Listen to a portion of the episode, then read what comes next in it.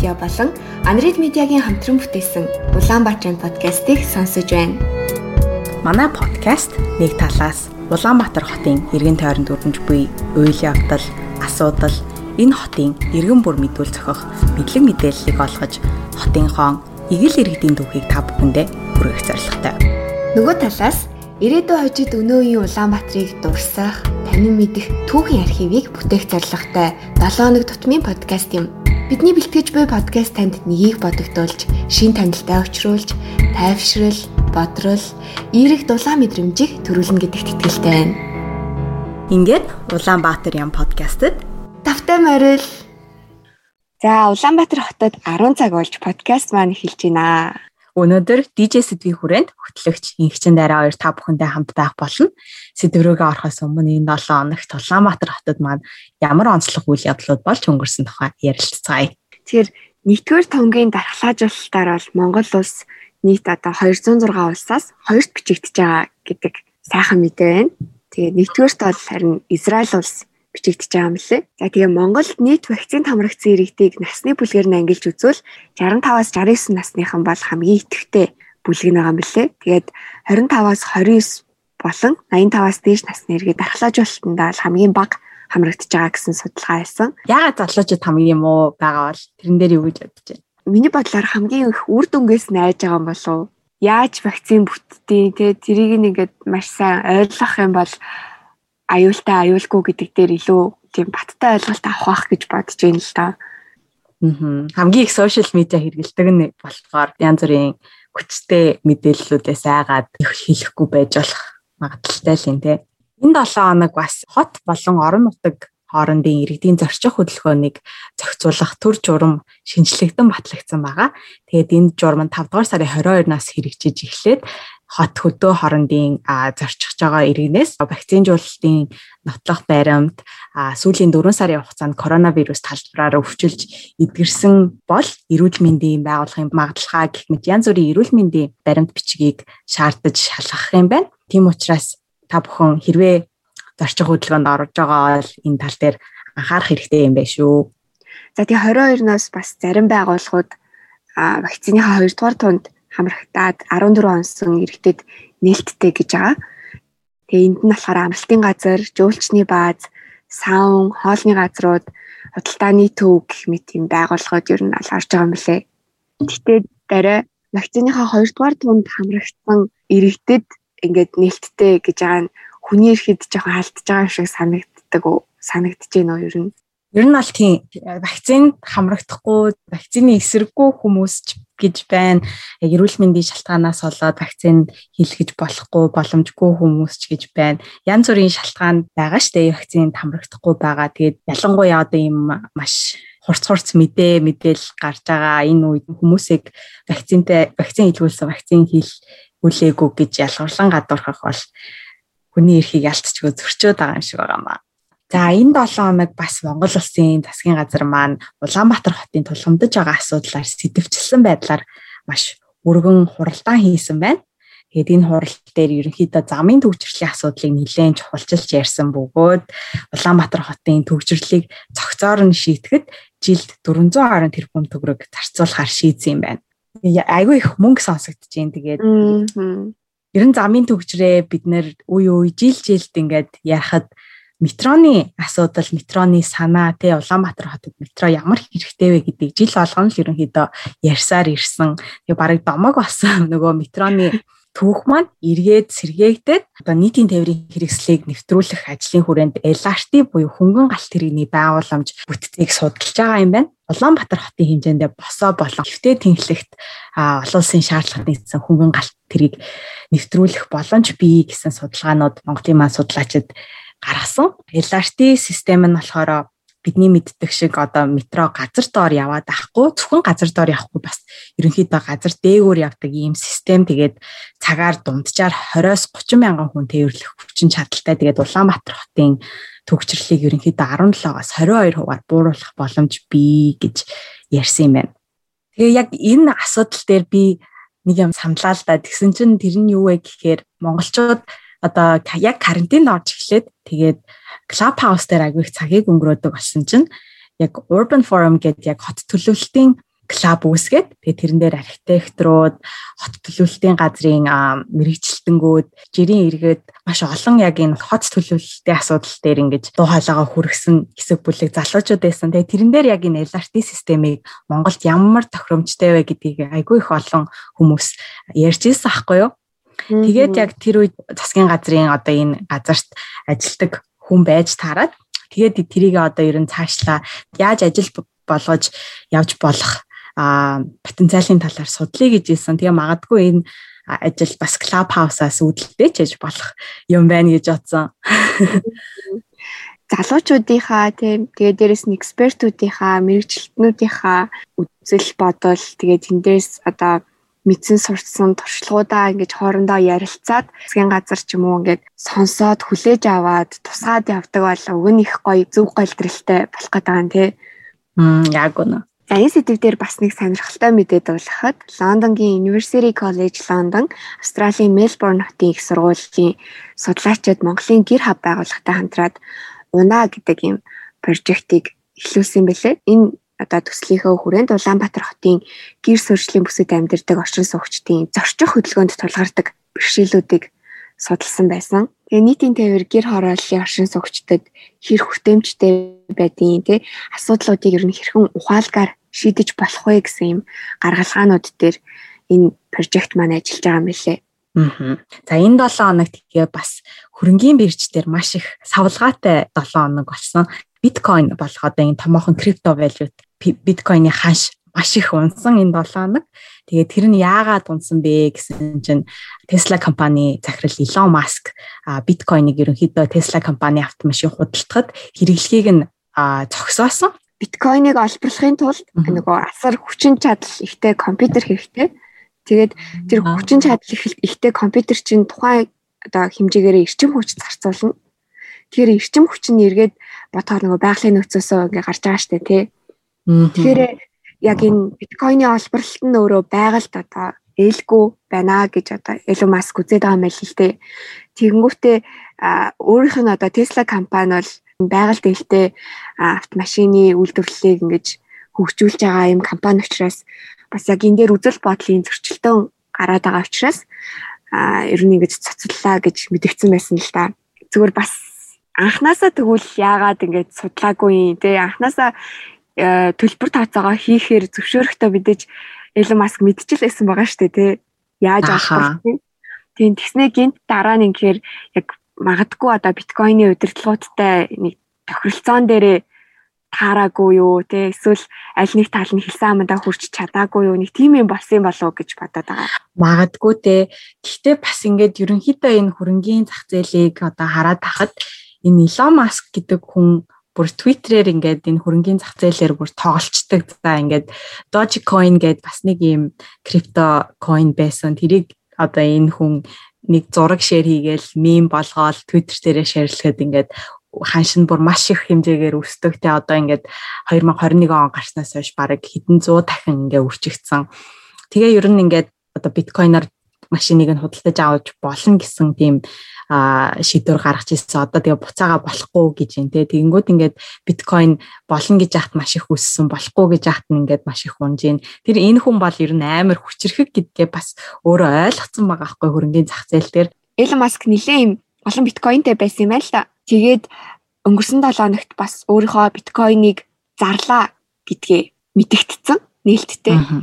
Мэдээж одоо Elon Musk зарах гэж байгаа юм чинь уналт гарах нь тодорхой. Тэгэхээр уналтаас нь өмнө зараад авъя гэсэн хүмүүс маш ихээр хандаад тэгээ ер нь бол ингээд асар их уналт гарч ирсэн болов гэж бодоод байгаа. Яг зарсан зараагүйг нь бол би сайн мэдэхгүй л байна. Гал дээр тос нэмнэ гэдэг шиг а энэ 7 хоног хятадын засгийн газар крипто валютын хэрэглээний эсрэг 20 50-аад анхааруулга гаргасан байсан. Тэгээд тэрний дараа бол крипто валют, биткойн, этериум тэгээ бүх крипто валютууд маш маш бараг ингээд шууд уналт хийсэн. Free fall гэдэг чинь ингээ баг. Аа, чөлөөт уналт. Тий, чөлөөт уналт хийсэн.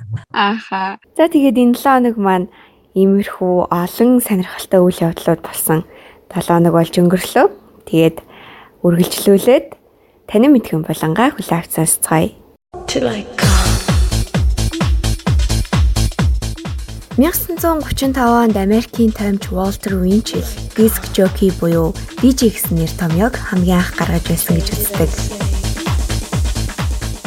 Британий радио DJ Jimmy Savile 1943 онд анхны амьд бүжгийн үдшилийг зохион байгуулж байсан бол 1960-ад онд Rudy Bozak DJ-ийн чиглэлээр ашиглахад тохиромжтой дуу хойлогч консолыг үйлдвэрлэж эхэлжээ. Үүнээс хойш дэлхийн олон оронд асар хурдан тархаж дуу хөгжмийн амтыг бидэнд мэдрүүлэх хамгийн чухал төрөл болон хөгжөөд байна. DJ дотроо клуб, хип-хоп, радио, dance hall, reggae гэх мэт маш олон ялгаатай төрлүүдтэй. Харин тэдгээр төрөл бүр өөрийн онцлог шин чанаруудыг агуулж байдаг үлээ. Үргэлжлүүлэн Majesty Mongolia-гийн хамтран үүсгэн байгуулагч Intro Electronic хөгжмийн фестивалийн Монгол дахь зохион байгуулагч Билгүүдэтэй ярилцсан ярилцлагын хэсгийг хүргэе.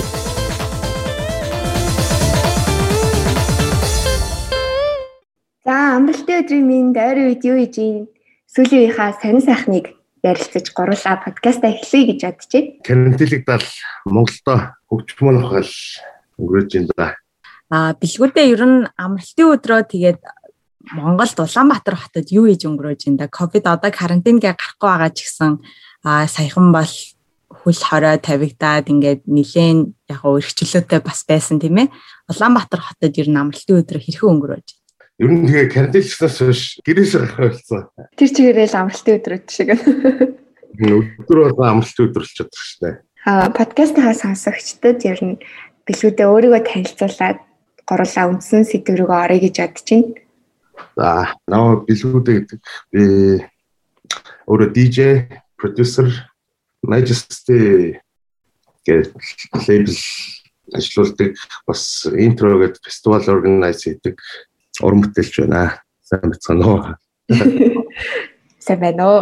За, Majesty гэдэг бэлгүүдээ манд дурдлаа. Majesty-гийн талаар дэлгэрэнгүй танилцуулбал Би 2013 14 15 онд Бээжинд сурдаг байсан. Сурж байгаа хугацаанд Бээжингийн Лантхны клуб DJ хийж байгаад 15 онд яг Монголд ирэхэд одоо манай инх амгалан Сүхол гэдэг найз тэгээ дээрэс нь DJ BTR бид дөрөв анх Majesty гэдэг лейбл хийгээд хамгийн анхныхаа ивентийг богдын музей дотор хийжсэн. The Night at Bog гэдэг.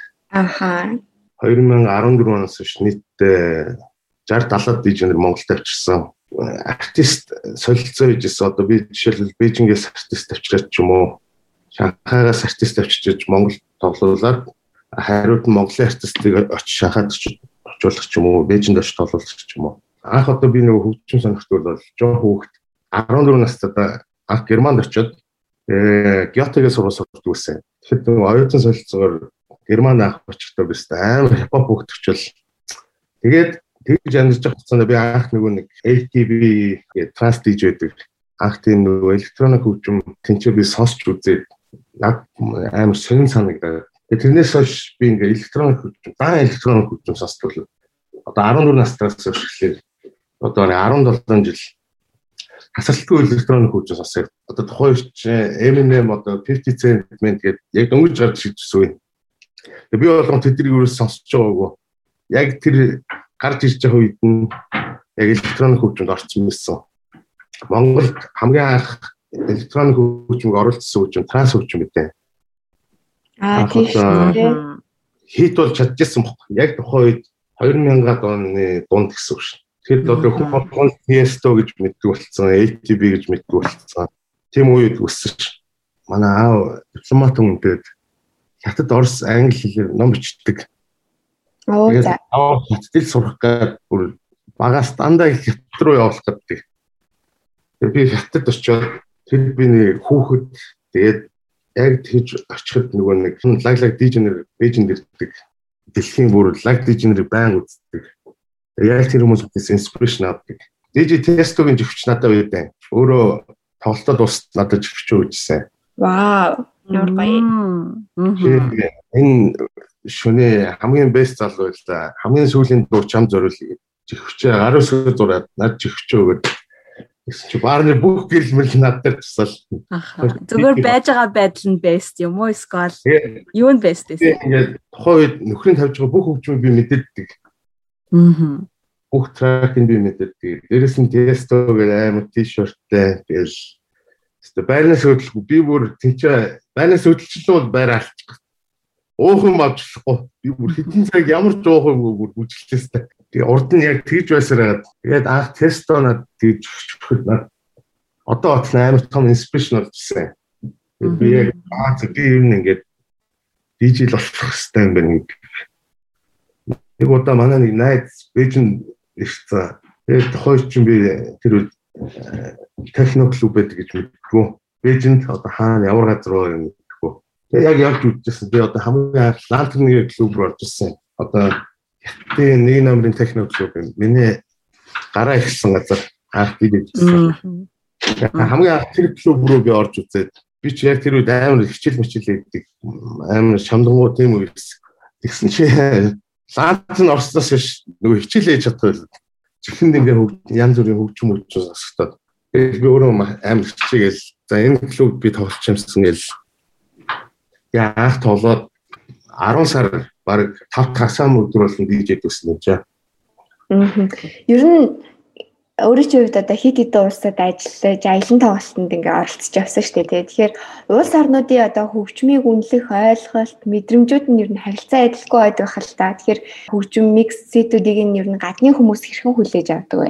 Хятад болгоомт би хят баг 20 дотор толсон. Толдог. Ерөнхийдөө тэр хотууд яг том том хотууд нь болонгууд яг техносын Монголоос илүү гарцсан. Одоо тэр нь Шанхай, Бээжин, Чиндүүч гэдэг юм уу? Аа тэнцээ болгоод би одоо хүсэж байгаа өөрийнхөө хүсэж байгаа шиг одоо би хөгжмөө тоглож болдог. Тэнгүүд хүмүүсүүд ойлгодог. Ганц юм жоохон хурдан баригтай. Хөгжмөө хурдан 140-оос дээш гарч болохгүй ч юм уу 135-аас дээш гарч болохгүй ч хэтэрхий хурдан болчихно гэдэг. Аа Европт болгоод хурдан байх тусмал нөгөө хүмүүсүүд илүү дуртай байдаг ялгаа нь их өөр, crowd нь их өөр. Европт болонгууд MP3 DJ-ээр тоглолдог. Хонконгоос тоглолдог. Аа за Бээжинч гайгүй, Шанхайч гайгүй тэрний нэг тоглолдог. Зарим улсууд бол тэр юм дээр их serious гэдэг. Жишээлбэл Байхайн гэдэг клуб одоо MP3 дуу тавьчвал тэр клуб бандуулаад хэдэн сар тоглолцдог байлт ч юм уу. Яг л тэр нөхцөл дууралтан дээр чанаргүй хөгжим тавьж болохгүй болчихдог. Аа. Шууд амар том дэлгэцэн дээр айгүй пиксел муутай нэг жижигхэн зураг авчраа тавьчихж байгаатай л адилхан юм байна шүү дээ. Тэнгүүтээ би нөгөө нэг Монголоос ирсэн тийм хүн байна гингүүтээ энийг үзгээд мангар мяа пиксел тийм тавиад ялчч одоо нөгөө хүмүүсүүдийн зүсгэлд үлдэхгүй. Тэгэхээр яг пиксел анхнаасаа пиксел чанартай. Энэ нэг юм байна гэд тэр хүмүүст бас би нэг гадаад имижэр бас нэг дээр нэг баатар мат шиг нэг хурдан тим имижтэй сахар. Ахаа. Тэнгүүт нэг ууртай нэг нөхөр ирээл тэгсээр ингээ хөгжмөр хөгжмөр цадаал. Додч ууралж уурсаар пак гэж явчихвал нөгөө хүмүүс чи гайхаад энэ юу Монгол гэл ингээл тэгэл үлдчихэж байгаа. Өөрийнхөө тэр өнгө айсыг бас тамгалж өгч ийн гэсэн үг шүү дээ тий.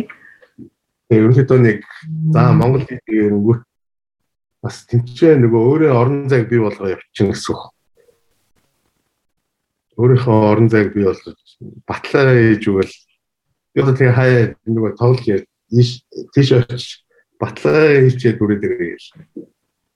Тэгээ явангууд одоо нэг дөрвөн сарын дараа дахиж ирээрээ л за за гээл тэгэл Тэгээ би нөгөө сүүлийн хэдэн жилүүд Бээжиндээ их ховор тоглолт болоод өөр хотуудаар явах ихсэд тав тасаа болоо Бээжинд тоглолт гэсэн өгч одоо 2 сарда нэг одоо ирж Бээжинд тоглолт гэж. Тэгээд би нөгөө 19 онд Амстердам Dance Event гэдэг тэнд оролцсон. Аа Амстердам Dance Event нь болохоор Голландын хамгийн том фестивал 1995 оноос зохиолж байгаа. Жил зүгээр гаднаас 400 мянган зорж иж үздэг фестивал болохгүй. Одоо аа Бельгийн нөгөө Tomorrowland гэж үүдэг те. Аа. Бидэртээ яг адилхан. Тэгээд нийт 3000 артист оролцсны нэгээр нь би оролцоод тэгээд би 3 ивент дээр тоглоод. Тэгээд тийч очоод маш олон хүмүүсүүдтэй танилцаад дээрэс нөгөө гадаад хүмүүсүүд миний хөгжим хүрээ тийч би ингээ коннекшнтэй болоод ерөнхийдөө энэ нөгөө DJ артистууд гэж ерөнхийдөө connection юм байлээ. Монголын сонсогчид хөгжмийг яаж таашааж сонсож ямар төрлийн хөгжмийг илүүд үзэж байна? Одоо Монголд бол яг ийм хипхоп, трап эсвэл яг ийм юу байгаа. Техно эсвэл хаус. Монголчууд ерөнхийдөө нөгөө дуулж бүжил дуртай арт юм баг. Бүх түүхээр. Тэгээ нөгөө анх бид нар нөгөө Кани шиг Японы нөгөө алдтай диж авчирд Азаас хамгийн анх дэлхийд гарсан DJ 1995 он MTV Awards-аас одоо шагнал авчихсан. Ийм артист бид 2016 онд Монголд авчирч ирсэн. Яг хөө зөндөө шатсан л та хүмүүстэй бол. Гэхдээ тэр шатах хамаагүй гол нөгөө хүмүүс гоё үзүүлч юмсан л юундаа хөглөгдөл. Аа Азийн топ DJ нар гэд ярьлаа л да. Ер нь бэлгүүдээ маань электро хөгжмийн EDM захин хуудас дээр бол өөрийг нь топ Азийн топ дижнерийн нэгээр хит хит удаа нэрлэж исэн. Тэр ч яг нөгөө янз бүрийн юунууд войт хийдэг. Ерөнхийдөө нөгөө Азаас Европ Азар ингээд туур хийгээ явдаг дижнер маш цөөхөн байдаг. Суперстар диж болсон хүмүүс бас маш цөөхөн. Одоо жишээл Pegigo энэ Kenny Shi энэс цааш бол бүр за хито байж болох юм Сатоши Томи Моми гэдэг. За яг хуу Япон тэм дижнер бол байгаа юм байна. Аа гэхдээ яг одоо өөр хотуудаас хятаас ч юм уу тэм хүмүүс их цөөхөн байдаг. Хятаас бол за нэг 5 6 дижэл яг байн Европт очиж үт юм уу. Тийм байдаг. Бас Монгол хүн гэсэндээ нүүдэлчин соёлтой болохоор бас ингээд айгүй хийш тийшээ яваад дуугаараа дайлаар мууртаад байгаа юм шүү. Би нөгөө Бээжин сурдаг байхдаа дахиж ер нь Бээжинд байдаг юм уу хальт бодсон. Хэрвээ би Бээжинд байхаа дахил юм бол ингээл ийм олон дижнер байгаа. Энэ эднэрт ингээд дарагдах ч юм уу ингээ байгалах юм байна. Хэрвээ би Монголд очих юм бол одоо Ники Жан ч юм уу, Вэвэн шиг ч юм уу Монголдоо би тийм хүн болж болох юм байна гэж бодоод тэгээ би Монголд буцаад Лантанд ирж байгаа ямар дижэ нэг тийм мэдээд тавтагт нь Бээжинд болоо хасанд нь Улаанбаатар тоглолт ч юм уу анх тэгж нөгөө эхлүүлээд тэгээд тэр дундаа би бодож үзээ. Яагаад нөгөө диж exchange хийгээд би ингээд тоглож болохгүй бэ гэж бод. Та анх одоо нөгөө шахаас нэг диж авчиж тоглоод би зүрх шахаад тоглолт ч юм уу. Одоо нэг диж exchange гэдэг юмыг ойлгож эхлээд тэгээд бас арай нөгөө нэг ивент хийж сурж эхэлсэн л дээ. Нодлон жил нөгөө бид нэр яг ковид байх үед нэг Spirit of Gobi гэдэг тийм ивент хийсэн. Мм. Contemporary artistууд электро огжмынхан нэгдэж хийжсэн тий. Хийжээ. Дээрээс нөгөө гадаадуудын хамгийн их Монгол зорж ирдэг нэг номерын газар болгоот юу юм бэ? Говь. Тэр санаа гэхдээ бас энэ ковид гарч иж бас тийм юм гарч ирээд бид нар одоо нөгөө яаж ивент хийх үү гэж бодож байгаа. Тэгээ хийчихвэл болох магадaltaй юм байна. Тэгээ хийчихсэн. Ааха. Тэгээд лаглаг артистууд нь бас ковидын шалтгаанаар Монголдо байж исэн. Тэр нас их давуу тал болсон баг тий. Тий. Бидний ивентүүдийн нэг давуу тал нь бид нар дандаа шинэ артистууд бүгэлж авчирдаг гэдэг. Тэгжиж нөгөө нэг бидний ивент гоё болдог. Тэгээд цаг сайхан болохоор гоё юм зөндөө байна. Одоохоно нэг юм гацалтай. А түрүүнд EDM гээд дурдсан. EDM-с бас Монголын underground электро урсгалын анхдагч гэж бэлгүүдийг тодорхойлсон байсан. Энэ хөгжмийн энэ урсгалын тухай бас гуруула жоохон товчхон ярих гэж бодож байна л да. Яг юугаар бол электрон хөгжмөндөө бол яг аргач нь бол биш болчиход байна. Энэ аргачт нь бол одоо ах нар ууш одоо амаа байна. Төвшөөрө батгүй байна. Байна. Миний хувьд бол би нөгөө багаас их респектэд би ганц диж өгс тэр нь өвжид үсэ Монголын тэр үеч одоо хамгийн анх нөгөө turntable дээр пянзан дээр лайв тоглолтыг Монгол хамгийн анх оруулж ирсэн хүмүүсүүд бол одоо ах нар оруулж ирээд яг тийм транс хөгжмийн үеийг бол үнэхээр ах нар бол хийж чадсан чадсан мөх. хүн болгоноос сонсдог болол одоо нөгөө зурагтаас ч гэсэн баян тесто мэстэ явдаг болол тийш үү. Нөгөө ивентүүд бол silence white mic гэж хүмүүс зөвхөрүүлдэг. Тэгээд миний хувьд бол яг техно хөгжим болгоод би нэг артчлал явчихсан. Яг л тухайд одоо техно сонсдог хүмүүс техно хөгжим тавьдаг дижнер байдгүй. Сонсогч нар гэж байсан. Би өөр анх нөгөө тесто гэдэг сонсдог гэж анх John Deere гэдэг артист сонсч үзээд тэр хүн намайг юм техно хөгжмөөр оролцсон. Тэр хүнийг үзээд би анх би юу сонсдог байсан бэ гэдэг өөрийнхөө нөгөө яг тэр үед би тавт өдөр нь Джон Дэвидийн тоглолт үзээд хагасаа өдөр нь Арми Вамбюрингийн тоглолт үзээд гэсэн чи би нөгөө нэг Арми Вамбюрин гэдэг подолттой Джон Дэвидийн тоглолтын дээр явж байгаа чи би тэр үний хоёр дахь подолт үзсэн. Ааха. Бичгийн ингээд нэг подолт эргүүлж аваад бичгийн нууцсан.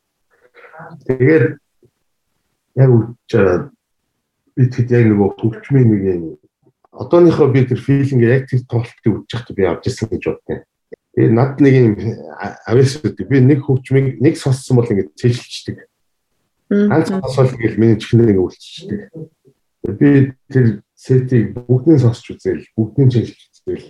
Тэгээ дээрээс нь би яг маргааш нь 10 вамбыг үзээд тэр үеч энэ нөгөө амар хүлээлттэй байж байгаа. Өмнө нь бас 10 вамбыг үзчихсэн. Ами Вамбурингийн надаас юу гэдэг подолк CD өөрөх нь гар үсгтэй хамт авахулсан зураг гэдэг юм бас.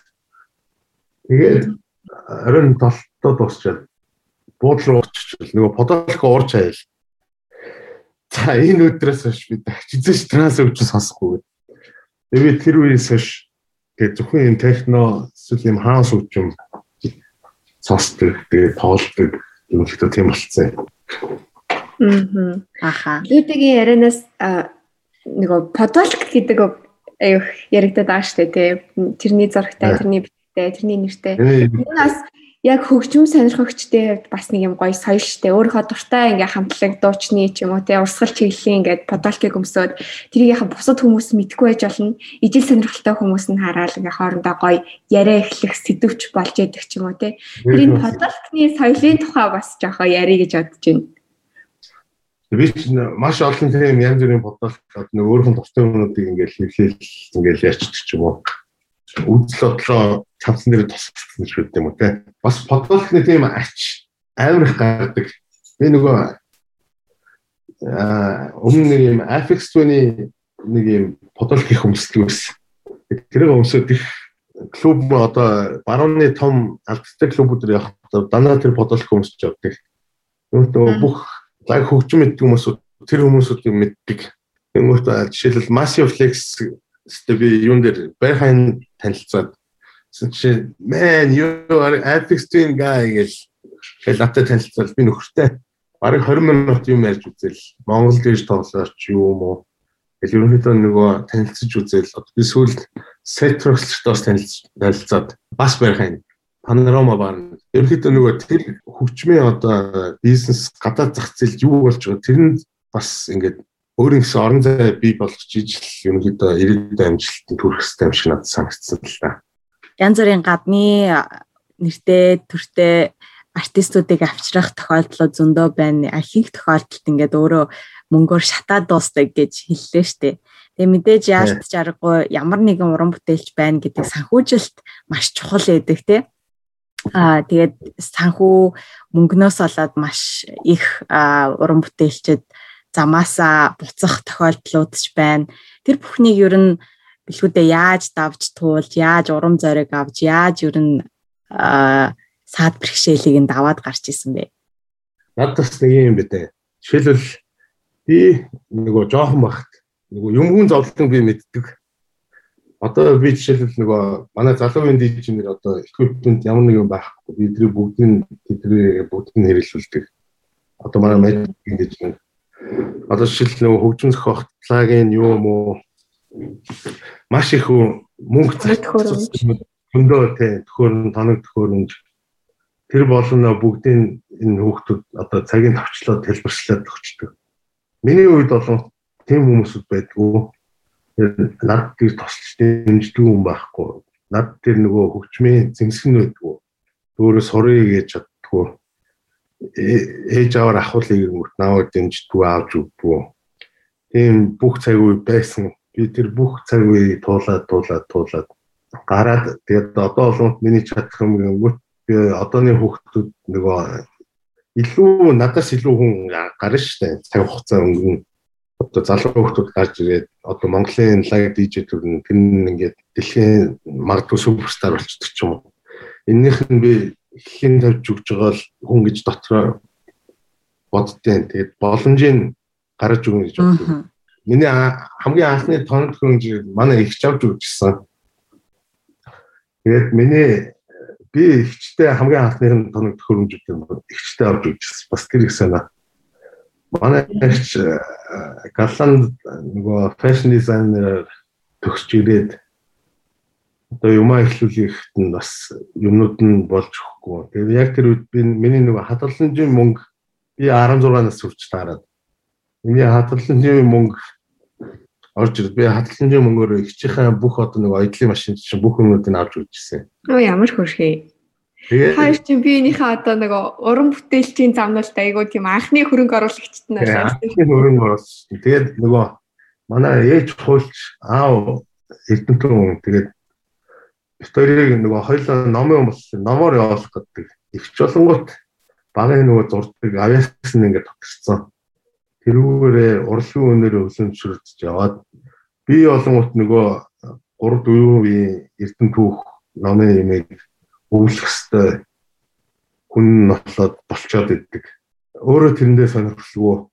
Тэгж явсаар юм байгаад одоо ээж аав минь хөлнчүүд болоод одоо ингээд ийм цаг хугацаа. Яг тэгэл нөгөө эцсийн үр дүн би бас нэгч юм хаяагүй. Тийм цаг хугацаа ерөнхийдөө ингээд харуулчихлаа л гэж. Монголын дижинер хоорондоо уялдаа холбоо хэр байдаг вэ? А тэг яг өнөөдрийн өнөөгийн тийм хөгжмийг ойлгох, мэдрэх залуучуудын хандлага бас ямар байна гэдэг талаар бас энэ тавчхан хариулттай ярилцлагаа төгсгөл тэгвэл манай үеийн дижнес ч их хоорондоо юу штэ. Нэг талтай дотн найзууд. Бид ч одоо нэг үе одоо ах дижнер болчиход байгаа хөө. Одоо темка байна, би байна. Манай диз байна, мара байна. Бид ч болгоомж яг нэг үе болоод нэг үеийн хийж нь очиод өмчлөө яг одоо яг энэ син дотор болгоод ах нар болчиход байгаа. Зөндөө залууд хийж нэг гарч ирээд хүмүүс их диж бол сонирхолтой бол бич нэг үе бодвол сүүлийн хэдэн жил хөгжөөл их л өөр болсон байлээ. Хүлээж авах тэр крауд нь тэнд нь их бас баярлалаа. Тэгээд дээрэс нь бас нэг юм хэлчихэд нөгөө бидний ах нарын үеэс нэг юм DJ гэдэг юмыг жоох нэг юм сонин таниулсан нэг юмнууд байгаа Жишээлбэл тэр үед одоо 90-ад оны DJ нэрээ дууны захиалга авдаг нэг тийм юм байсан. Тэгээд эдгээр нөгөө орой ажиллаад харахтаа амар их мөнгөтэй буун. Тэгээд нэг дуу захиалга 5000 төгрөч юм уу. Тэнгүүт хүмүүсүүд тэр найздаа зориулж төрсөдлийн мэдлэгээ тийм дуу зориулж ч юм уу. Тэнгүүт тэр нь цаг үед ингэж явсаар хагаад нөгөө хүмүүсүүд ингэ суудсан. Тэгээд одоо ингэ хөгжин тоолж байгаа хүмүүс ирэл манай эхнэрийн төрсөд болж байгаа юм аа ганц зориулаад дуртай дуун энэ дуу энэний 50 дүүшт хүч байт юм уу. Тийм асуудлууд амар их тохиолддог. Бидний үед болон тэр юм нь бол байха болцсон. Одоо нэг төрс өдрийн бэнчлэгээ юу юм уу дуу уу. Юунэ. Хэн тийм байт. Тэгээ одоо болон хин чин юугаар усгаад өөрчлөлтөд нэг ёстонда 90-ад оны нэг 90 2000-ад оны хөгжимчийн баригдмал юу гэсэн бол одоо л залуучууд юу гэснээ сонсч юу гэснээ болсон. Дээрээс нь доотлын үеийн залуу артистууд гарч ирж шүү дээ. Янз бүр одоо Butterfly юу муу гэл 168 Ингээд идэгч бас нэг шинэлэг бодох. Тэгмээ тийм шинэлэг артистууд гарч ирэнгүүт гоё бодох гэсэн залгамж халаагаа бэлдээд тэднэрийгээ бас ингээд дэмжээд ажиллаж байгаад нь бэлгүүдэд маш их баярлалаа. Бидний урилгыг хүлээн авч DJ гэдэг энэ урлагийн салбарын тухай өөрийнхөө сонирхолтой түүх аа тэгээд биднэрт маш олон гоё танин мэдхүйн фактууд өглөө штэ. Тэгээд Билгүүдэд баярлаа. Энэ 100 уг нь бол ковидго 100 болвол Majestic-ийн маш гой гой зохион байгуулагдах ивентүүдэд нь очих юмсан гэж бодтол маш гой гой гой ивентүүдийн талаар танилцуулсанд баярлалаа. Тэгээд бэлгүүдэгч одоо Улаанбаатарын залуучууд бас нөгөө most wanted буюу те одоо хамгийн хүсэн хүлээдэг дижигээр нэрлэлт юм байлээ. Тэгээд цаашдаа бас Монголынхоо залуучуудад Улаанбаатарын залуучуудад ой хөгжим сонсохын төлөө бас олон зүйл хийн гэдэгт нь итгэлтэй. Тэгээд ажлын амжилт төсөё. Уран бүтээлийн амжилт төсөё. Баярлаа. Намаа мөн урьж оролцуулсан баярлаа. Улаанбаатар хотын залуусыг дөргих хөгжилтөх боломж олгодог DJ нарын амьдрал санаа хачны тухай DJ бэлгүүдэтэйгээ ярилцсан дугаар маань танд таалагдсан гэдэгт итгэлтэй байна. Подкастынхаа төгсгөлд DJ бэлгүүдэгийн микс сетийн хэсгээс хүргэж байна. Бүхэлдээ маш гоё мэдрэмжинд таныг автуулах ийм сэтэлээд ярамсалтай нь подкастын маань хугацаа бүтнээр нь хүргэх боломжгүй учраас та бүхэнд бүрэн хэрэн сонсох линкийг хасаргах болно. Тэгээд түүний сетүүдийг сонсоод авсан ирчгүүч мэдрэмжээрээ өнөөдрийг маш гоё өнгөрүүлээрэ гэж хүсье. Дараа 7 хоног шин сэдвтэйгээ, шин мэдээ, шин танилтайгаа иргэн уулзцаая.